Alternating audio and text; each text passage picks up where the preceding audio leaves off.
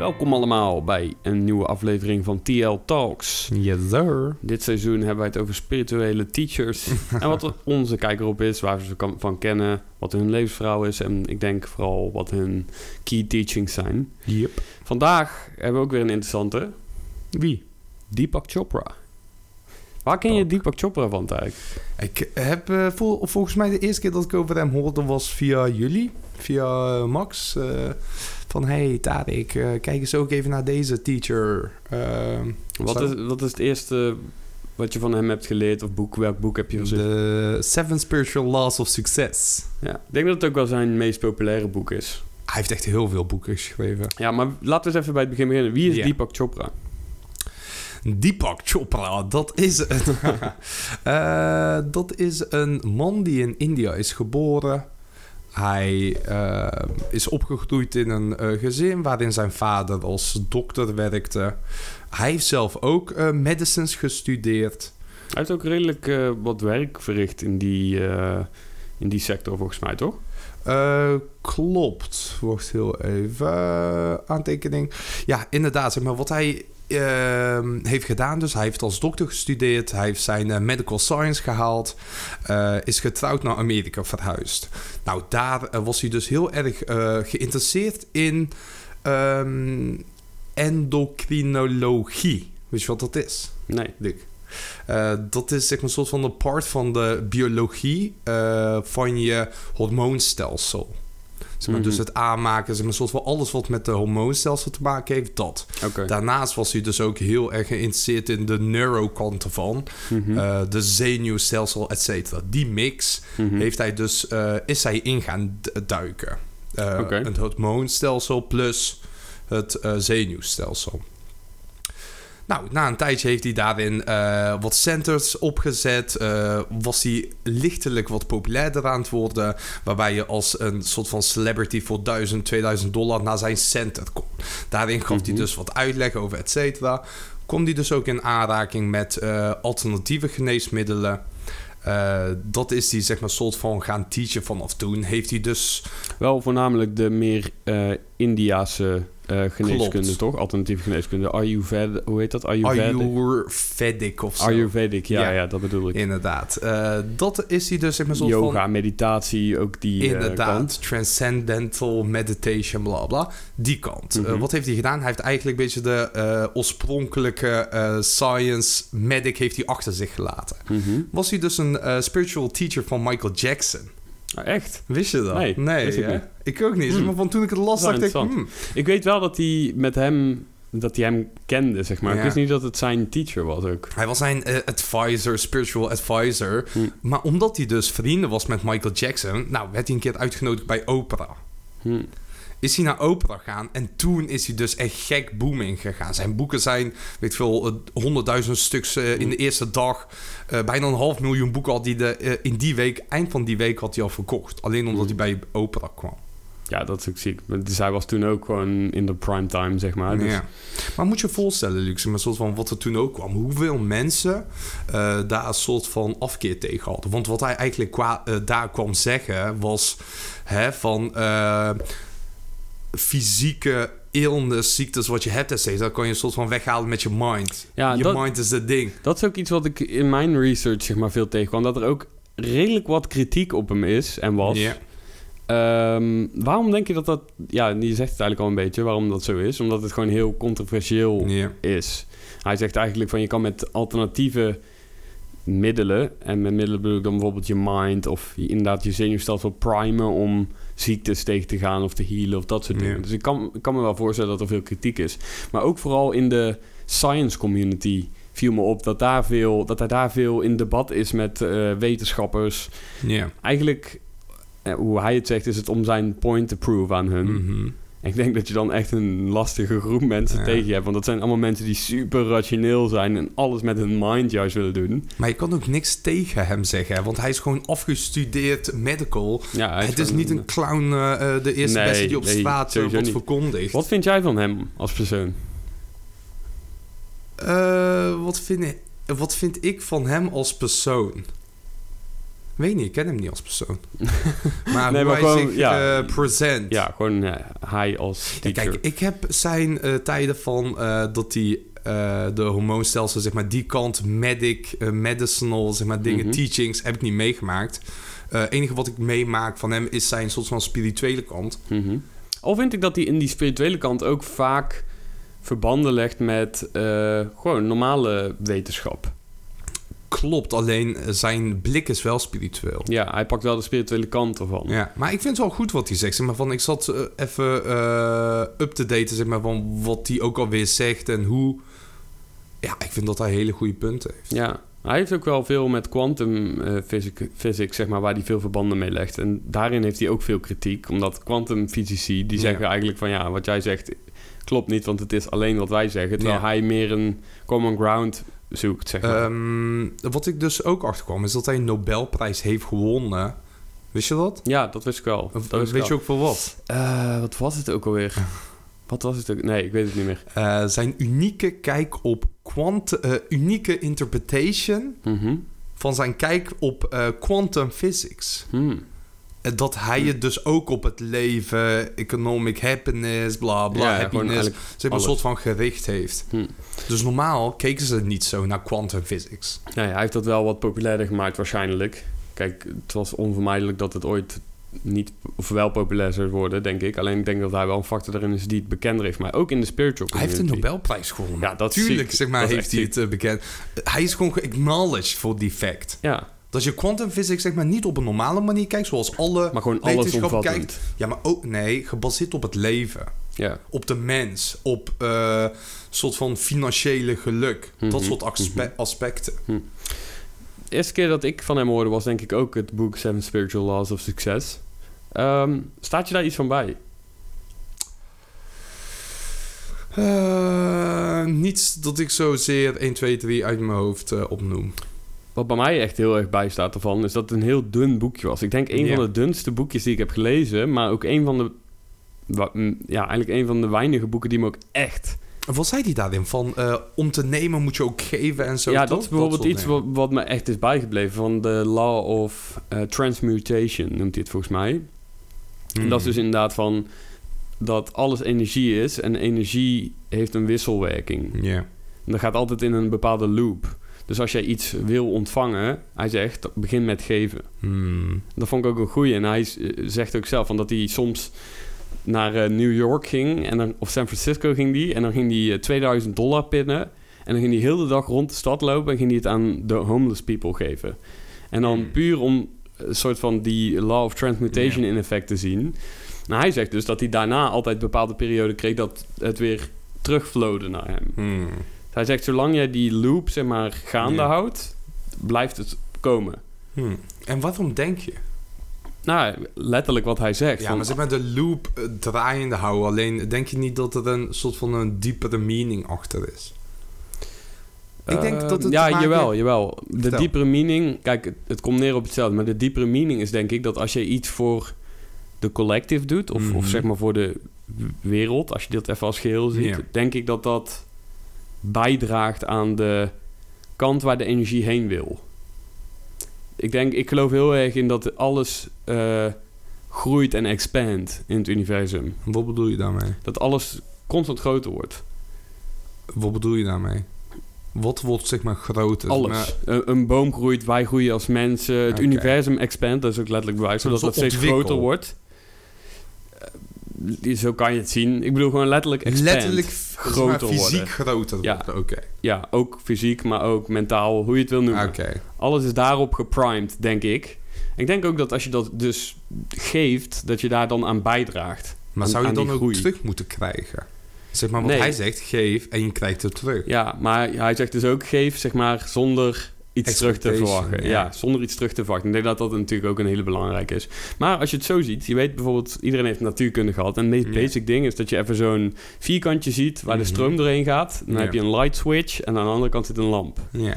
Als je de latjes openzet, is het constant een soort van loop. Dus soort- die energie die, die gaat de hele tijd rond. Hij loopt zeg maar rond. Inderdaad. En zolang dat jij die, die schakelaar open houdt, blijft de lamp branden. Maar zodra, zodra je hem dicht doet, gaat die lamp uit. Klopt. Dat zegt hij dus ook. Van als je constant bijvoorbeeld zou geven, Ja. zonder iets terug te verwachten, blijft het ook weer terugstromen. Maar als je op een gegeven moment alleen maar ontvangt, dan werkt het niet meer. Hmm. Dus vond, vond ik wel een interessante. Nou Ja, klopt. Ja, eh, wat ik zeg maar, een soort van. eh, wat ik denk eh, waarom geven ook een soort van bijdraagt aan het nemen, is dat je wellicht ook dankbaarder wordt voor wat je geeft. Mhm. Zeker, denk ik ook. Denk je niet dat dankbaarheid hier maar, een soort van te maken heeft? Ja, vast wel. Ik denk mm, misschien niet dat het per se is wat hij bedoelt, maar dat, daar geloof ik wel in, ja. Al, dankbaarheid is sowieso gewoon de ultimate state of receivership, zoals Joe Dispenza mooi zegt. Maar kijk, dat is dan. eh, Is dat in jouw ogen niet anders dan wat anderen zeggen? Nee. Ik denk dat hij exact hetzelfde zegt als iedereen anders, alleen op zijn manier en op zijn kijk erop. Kijk, eigenlijk net hoe ik zei van alles expand. Ja. Jij hebt er waarschijnlijk een andere kijk op als ik dat zeg als ik, Mhm. maar uiteindelijk bedoelen we hetzelfde. Ja. Zo denk ik ook dat hij dat Mhm. op een bepaalde manier zegt. Uiteindelijk op hetzelfde neerkomt. Maar hij zegt Ja. gewoon op een manier die jou misschien wel of misschien niet aanspreekt. Daarom dat je vaak gewoon een teacher hebt of een persoon die wel tot je doordringt Ja. en anderen niet. Ja, wat ik zeg maar soort van ook leuk vond aan hem, eh, is dat hij ook echt eh, die doktoren en de medische kant zeg maar soort van bekritiseert. Hij heeft het dus bijvoorbeeld over een aantal ziek, ziektes Mhm. wat iemand kan krijgen. Hij zegt eh, de makkelijkste is zeg maar soort van de acute, Mhm. acute illness. Wat houdt dat in? Nou, als je valt en je breekt je been, Ja. nou, wat doe je dan? Ga je naar een dokter, hij zet gips, bla bla, en je bent weer cool. Hij zegt daarna heb je chronicle illness, waar je zeg maar soort van bijna niks tot heel weinig aan kan doen. Mhm. Eh, kanker, dat soort ziektes. Hij zegt maar wat mensen hebben, ehm, wat verschilt van alle andere dieren, is dat wij existential suffering hebben. Mhm. Bang te zijn om dood te gaan. Mhm. Eh, dat, onze, dat we bang zijn dat we onze herinneringen verliezen. Of dat we eh, oud worden en daar bang voor zijn. Mhm. Dat is Bang inderdaad voor de iets wat alleen de mensheid heeft. Hoe, hoe los je dat op? Dan kom je weer op het mind gedeelte. Welke dokter lost dat op? Ja, inderdaad. Want dat is ook wat wij al vaker hebben benadrukt in onze podcast. Ja. Van als jij je hersenen openmaakt, die, die gedachten, die ga je nou, nooit terugvinden. Dus dat is niet iets wat je, niet direct trauma, om het zo Mhm. te zeggen. Dat zegt hij ook heel mooi. Van dat direct trauma, dat is eigenlijk volgens hem, en volgens mij ook, maar het gaat even over hem. eh, het enige, ehm, de enige soort trauma die een dokter kan oplossen, waar doktoren goed voor zijn. Dus als jij een Mhm. auto-ongeluk hebt en je buik ligt open, Ja, de dokter die kan, ja. die kan hem fixen. Zeg maar daar is hij Ja. heel useful voor. Maar alle andere dingen ben jij zelf zeg maar veel meer powerful dan iedere dokter. Ja. Hij zegt dus ook zeg maar, van dat je soort van eigenlijk in ieder moment rust moet afvragen van wie ben ik? Wat Mhm. ben ik? Mhm. Zeg maar, soort van al de vragen die je eigenlijk hebt. Kijk, wij hadden het hier laatst nog over. Weet je dat Vor- nog? vorige aflevering volgens mij. Nee, maar ik bedoel volgens mij ook toen we een keer met z'n tweeën gewoon eh, alleen waren. Dat je vroeg van, ja Tarek... ehm zeg maar soort van als je vraagt van, hey, wat ben jij? Wie ben jij? Mhm. Eh, welke Mhm. antwoord komt er dan in je op? Dan komt er geen, Geen. antwoord in je op. Eh, ik zat er vandaag over na te denken van waar zit dat leegte in? Mhm. Omdat jouw mind geen antwoord kan geven op een vraag. Nou, ik stel de vraag aan de luisteraars. Jullie hebben gedachten. Waar komen die gedachten vandaan? Ja, Waar? Letterlijk, vertel mij, waar? ja. Wat is een gedachte? Zeg maar, iedereen weet, soort van biologie, oké, wat is een lichaam? Nou, lichaam is vlees, eh, Bloed, spieren, bloed, Ja, eh, organen wat eh, werken, weet ik veel, zuurstof pompt. Maar waar komen je gedachten vandaan? Waar komt als je je ogen dicht doet dat je eh, plaatjes ziet, dat je verhalen eh, voorbij Ja. komen, flesjes? Maar waar komt dat voorbij? ja. Hij zegt, doe je ogen eens dicht. Hij zegt, nu als je je ogen open hebt, hij zegt, dan zie je alles in de physical world. Dat zie je ook. Kijk om je heen. ja. Ik zie Luc, ik zie een tafel, ik zie een deur, ik zie een schilderij, ik zie een raam. Doe mijn ogen dicht. Wat zie je dan? Dan zie je je gedachten. Althans, Ja, maar zeg maar totaal onder de wereld. inderdaad. Het is niet meer fys- fysiek in die zin. Maar het is goed om je dat, zelf dat af te vragen. En Ja. dat, dat is ook iets waarin hij heel erg overlap heeft met al die andere teachers. Dat ook die vragen, dat om je mind tegen zichzelf te keren, dat is Mhm. direct inquiry noemen ze dat. En dat is uiteindelijk een van de meest powerful dingen om achter je echte zijn te komen. Ja. Geloof ik ook heel erg in. Hij heeft, ehm vond ik ook wel interessant, hij heeft nu net, ik denk nog geen jaar, heeft hij een eh, Artificial Intelligence Digital Deepak, Deepak gemaakt. om zijn teaching dus door te laten gaan. Dus hij heeft een soort van Hmm. hologram van zijn hoofd ja. die eh, slim is. Dus je Mhm. kan ehm, praten tegen hem en hij geeft dan ook dus antwoord op jouw AI. vragen. Letterlijk AI. Ik vind, het wel niet, gek. ik vind het wel vet. Die- Ja. Hoe oud is Deepak? 70, 71, 72. Ja, het is al redelijk oud, maar hij is nog steeds redelijk op die digital dingen. Ik, ik, ik eh, recommend trouwens ook even zijn podcast. Die heet... Breath? Iets met breath. ik ben het even Ah, kwijt. Oh, ja, ja. In ieder geval vond ik ook echt een hele goeie. Ja, eh, wat vind jij van hem? Wat vind jij ik- persoonlijk van hem? Zeg maar, een soort van eh, een leraar die eh, ligt jou of ligt jou niet. Ja, hij ligt mij over het algemeen wel. Al moet ik zeggen dat het met vlagen is. Ehm, ik heb nou net zijn nieuwste boek, ben ik aan het lezen.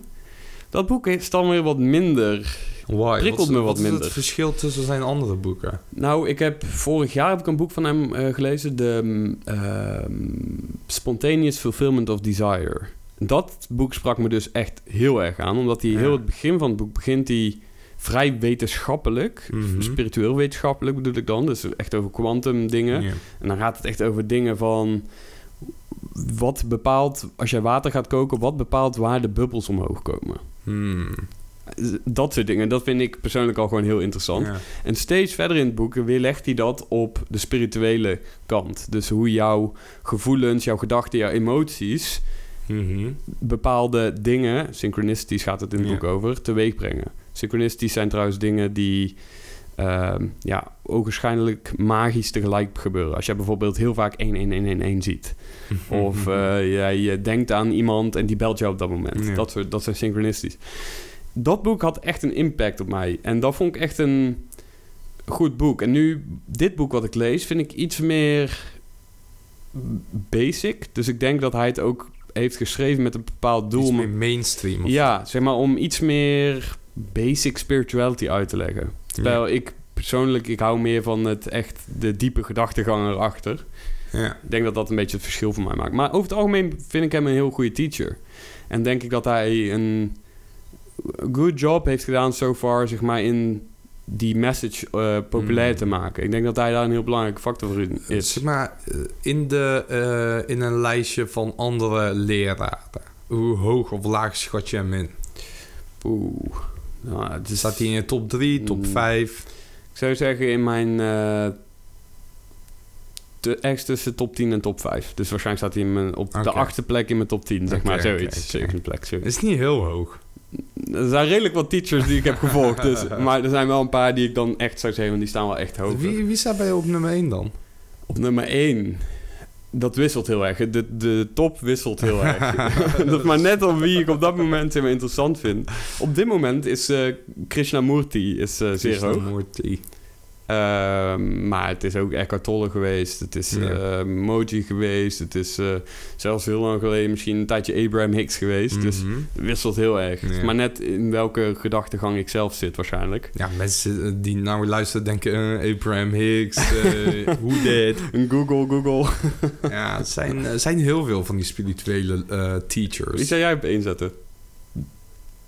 Oeh, ik denk Sadhguru wel. Is dat Guru? Ja, Sadhguru is voor mij zeg maar een soort van een goede stabiele 9 in zijn eh, teachings. Ja, nou, Sadhguru is wel een stabiele. Hij staat sowieso altijd wel rond de vijfde, vierde, vijfde plek Ja. bij mij, denk ik.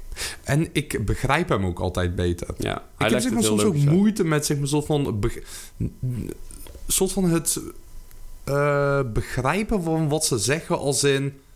Ze springen heel vaak van hak op de tak. Mhm. Snap je wat Mhm. ik bedoel? Een, heel veel leraren die zeggen niet van... Oké, ehm, dit is soort van eh, wat ik voor jullie ga uitleggen. Dit is wat ik jullie ga uitleggen over, laten we zeggen, iets mediteren. En dat die dan uitlegt waar mediteren goed voor is. Je hebt heel veel leraren die zeggen...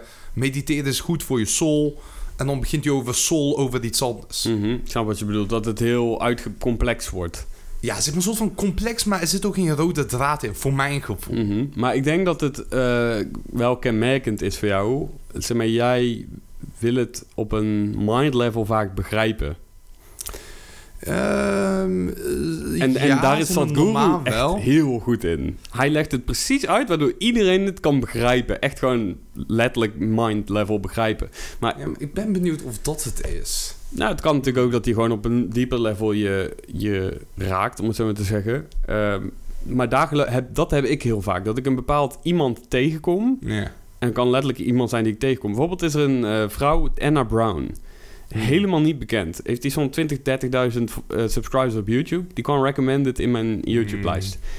Besloot hem te kijken en dat hit mij dan op zo'n bepaald diep level... dat het zo hard resoneert met mij dat ik het goeie vind. Hmm. En dan is het niet zozeer dat mijn mind het begrijpt... maar meer dat ik het Gewoon full. connect, cool. om het zo maar te zeggen. Ja, dus... En Ja. dat heb ik dus bij Deepak on en off.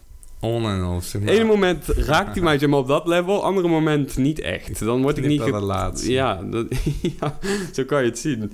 Hij eh recommend om 's ochtends en 's avonds Ja. allebei 20 minuten te mediteren. Weet je hoe hij is begonnen met zijn meditaties? Twee uur in de ochtend en een half uur in de avond. Hm. Oh, hij zegt nu trouwens half uur, sorry. Hij zegt half uur ochtends, half uur eh, Ja, dat zei je ook, dat zei je ook. Oh. Eh, maar dat is wat, hij, wat hij dus deed, twee uur in de ochtend. Ja, hij is gelijk all the way gegaan. Ja, hoe laat sta je dan op? Ja, ligt eraan. Ligt Hoe eraan wat je moet gaan doen. Ja. Ik heb ook wel vaak gehoord dat vroeg opstaan juist een bepaalde meditative state zeg maar, teweeg brengt, überhaupt al. Maar, maar ook- vind, je dat, vind je dat veel? Of hoe klinkt dat voor jou? Zeg Wat? Maar? Een half uur, s ochtends, half uur, s avonds mediteren. Is niet heel lang. Nee, vind ik persoonlijk Eh, ook niet. Al moet ik zeggen dat dat ook dat is iets wat on en off is bij mij. Ja, tuurlijk. Van, er zijn perioden waarin ik het een week niet doe. En dan zijn er andere perioden, bijvoorbeeld vorig, vorig jaar, weet je wat, ook een Ja. periode dat ik het echt uren deed. Ja. Uren. Ja, ik denk, het is ook sowieso inkomen. Als ik een tijdje niet mediteer en ik ga mediteren, dan moet ik echt heel vaak mijn mind zeg maar, soort van terughalen. Oké, Mhm. eh, zeg maar, soort van let it go-achtig. Ik denk ook wel dat er een onderscheid is in het vorm van meditaties. Zeg maar, ik merk de laatste tijd dat ik gewoon in de tuin kan gaan zitten en kijkend aan het mediteren Hmm. ben. En dat ik een bepaalde afstand creëer tussen wat ik zie en Ja. wie ik ben, zeg maar. Ja, je hebt sowieso superveel manieren. Ja, eh, sommige, iemand, eh, mensen vinden yoga chill. Yoga is ook een soort van meditatie. Zeker, zeker. Weet je wat yoga betekent? Dit weet ik van Deepak. Vertel. Union. Union. Ja, om je physical body en je soul te uniten. Dat is waar het woord yoga Physical vandaan komt. body en je soul. Maar hij zegt juist dat je je physical body niet zeg maar, soort van apart moet zien. Dat ben jij niet. Je mind, dat ben je Nee, ook ben je niet. ook niet. Maar waarom zou je ze dan uniten? Ja, niet in die zin uniten van hè, het is Mm. één, maar eh, Zo het is wel het is je vessel of consciousness, zo zegt hij. Je lichaam is een soort van de auto waarin je soul rijdt. Ja, Dus in Die die, zin is het de- united, snap je? ja oké. Als je het zo gaat bekijken... Ja, zo Ja. bekijkt hij het. Ja. Maar ehm Deepak, hij spreekt heel Ja. veel over health. Mhm. Wat denk jij dat het lichaam daarin kan? Wat, wat denk jij, of het lichaam, laten we zeggen je, je spirit. Wat denk jij dat de mogelijkheden zijn wat hij je- qua healing en self-healing dan? Ja, ik heb hierover redelijk vaak een uitgesproken mening gehad. Is dat ik denk dat je mentaal, of mentaal als in energy-wise, heel veel kan healen. Eh, alles kan healen. Hoe, het is maar hoe erg je soort van erin staat, om het zo maar te zeggen. Als je zoiets hebt van, ja, ik heb hoofdpijn, ik neem een pilletje en zeg maar, het is weg. Dat kan als je gelooft dat die paracetamol, aspirine jou gaat helpen. Maar ervaar je dat ook echt persoonlijk zo? Of hoe is dat Ja. in jouw persoonlijke leven? In mijn persoonlijke leven heb ik dat ook eh, redelijk vaak gehad. Zeg maar dat ik eh, ergens last van had. En dat ik eh, ging opzoeken. Ik had bijvoorbeeld een tijdje had ik last van mijn knie. Eh, vroeger geopereerd, et cetera, et cetera. En eh, ik ging even onderzoeken, zeg maar, wat is een soort van spiritual pain in de knie? Mhm. Nou, kwam iets uit. Ging ik even nadenken, zeg maar, zo van, klopt dit? Eh, reflect dit op mij? En ik merkte dat ik in die periode... eh, volgens mij was het onrustig. Hm. Zoiets dat ze zeiden. Maar dat voelde ik mezelf ook. Als ik daarover ging terug nadenken, dacht ik ook... Oké, dit en dit, zeg maar, een soort van maakt mij, eh, maakt mij onrustig. Mhm. Ik heb dat ook wel. Eh, Niet ook wel, dat heb ik ook gewoon echt. Dat ik merk dat bepaalde gemoedstoestanden bij mezelf... bepaalde fysieke effecten hebben. Mhm. Maar wat ik ook merk is dat het vrij lastig is... om ook dat weer te healen. Als ik echt even gewoon eerlijk persoonlijk erop Ja. kijk. Zeg maar, ik weet heel goed dat het kan. En ik weet ook Mhm. dat ik het in sommige dingen heb gedaan. Hooikoorts bijvoorbeeld is echt flink, flink drastisch verminderd. Ik geloof niet dat dat zomaar is, zeg maar. Mhm. Maar dat, omdat dat op kleinere schaal is. Ja, dat was voor mij wel een grote schaal. Ja, maar ik bedoel, zeg maar, soort van het is. eh, Ja, maar- Wat is hooikoorts precies? Zeg maar dat je iets Het hebt. is een je- allergische reactie. Ja. Ja, een allergische reactie. dat is hooikoorts. Ja, zeg maar, dat vind ik nog closer staan. Zeg maar van, hè, als iemand aan mij zou vragen, Tarek, kan je eh, mentaal, eh, spiritual, kan je dingen healen? Zou eh hooikoorts dichterbij staan dan een chronicle illness? Uiteraard, dat is logisch. Zeg maar, dat is niet in die schaal van wat ernstig is. Dus ook maar hoe we het net zelf benoemen. Maar staat dat laag. Nee, maar wat ik bedoel, zeg maar, een soort van, jij zegt eh, soms wat moeite mee, of zeg maar, een soort van echt, toch? Ja, nee, dat ik het op zich weet dat je alles zou kunnen Mhm. healen met je mind of hoe je weet ik veel. Ja. Alleen dat het in praktijk lastig, Ja. vrij lastig kan zijn. Klopt. En ik denk dus, hoe groter de ziekte of hoe erger de ziekte, hoe moeilijker het er is voor je mind. Ja, Alleen al om te, zeg maar, een soort van echt te geloven van dat het kan. ja Want klopt. je hebt jouw hooikoorts, heb je toch ook soort van geheeld? Ja, alleen dat was dus wel iets wat in mijn mind ook heel groot was. En dat was ook wel echt ernstig op een Ja. gegeven moment. Ik had er echt heel, heel veel last van. Dus Ja, dat te weten. weet je, het kan. Het kan. Je kan sowieso alles healen, daar geloof ik echt in. Alleen, wat zijn de dingen die je moet doen om dat, om dat teweeg te brengen? Niks, let go. Ze hebben een soort van eigenlijk alles moeten doen wat je daarvoor niet hebt gedaan. Ja, inderdaad. Want alles wat je daarvoor hebt gedaan, heeft jou gebracht tot de plek waar je nu bent. Ja. Toch? Ja. Zijn je gedachten van gisteren de reality van nu? Hmm. Ja en nee, denk ik. Ik denk dat je met de gedachten van gisteren wel de reality van nu bepaalt. Maar ik denk niet dat de gedachten van gisteren nu de reality zijn. Nee, dat, dat zei ik niet. Jawel. Nee. Ik zeg, door je gedachten van gisteren, zeg Ja. maar... Bepalen die Nee, nu nee. de realiteit. Ja, zeg maar, zo van creëer je de realiteit van nu. Ja, Dat is wel zo. ja. Schudden? Ja. Zijn ik mee eens, oké. Zijn we het mee eens. Ja, ik denk dat we er ook weer doorheen zijn. Hoe ver zitten we? We zitten weer op een eh, mooi tijdstip. Zeker. Vandaag geen challenge. Die pak is niet zo van de challenges. We laten... Nou, weet je wat? Ga gewoon even mediteren. Ja, Gewoon doe, simpel, hè? doe even gek. Kan niet, doe even gek. Kan iedereen. Wij willen ook alvast even iets gaan teasen. Dit seizoen over de spiritual teachers is wat minder lang. Ja, Vijf afleveringen. We zijn Vijf. nu bij aflevering vier.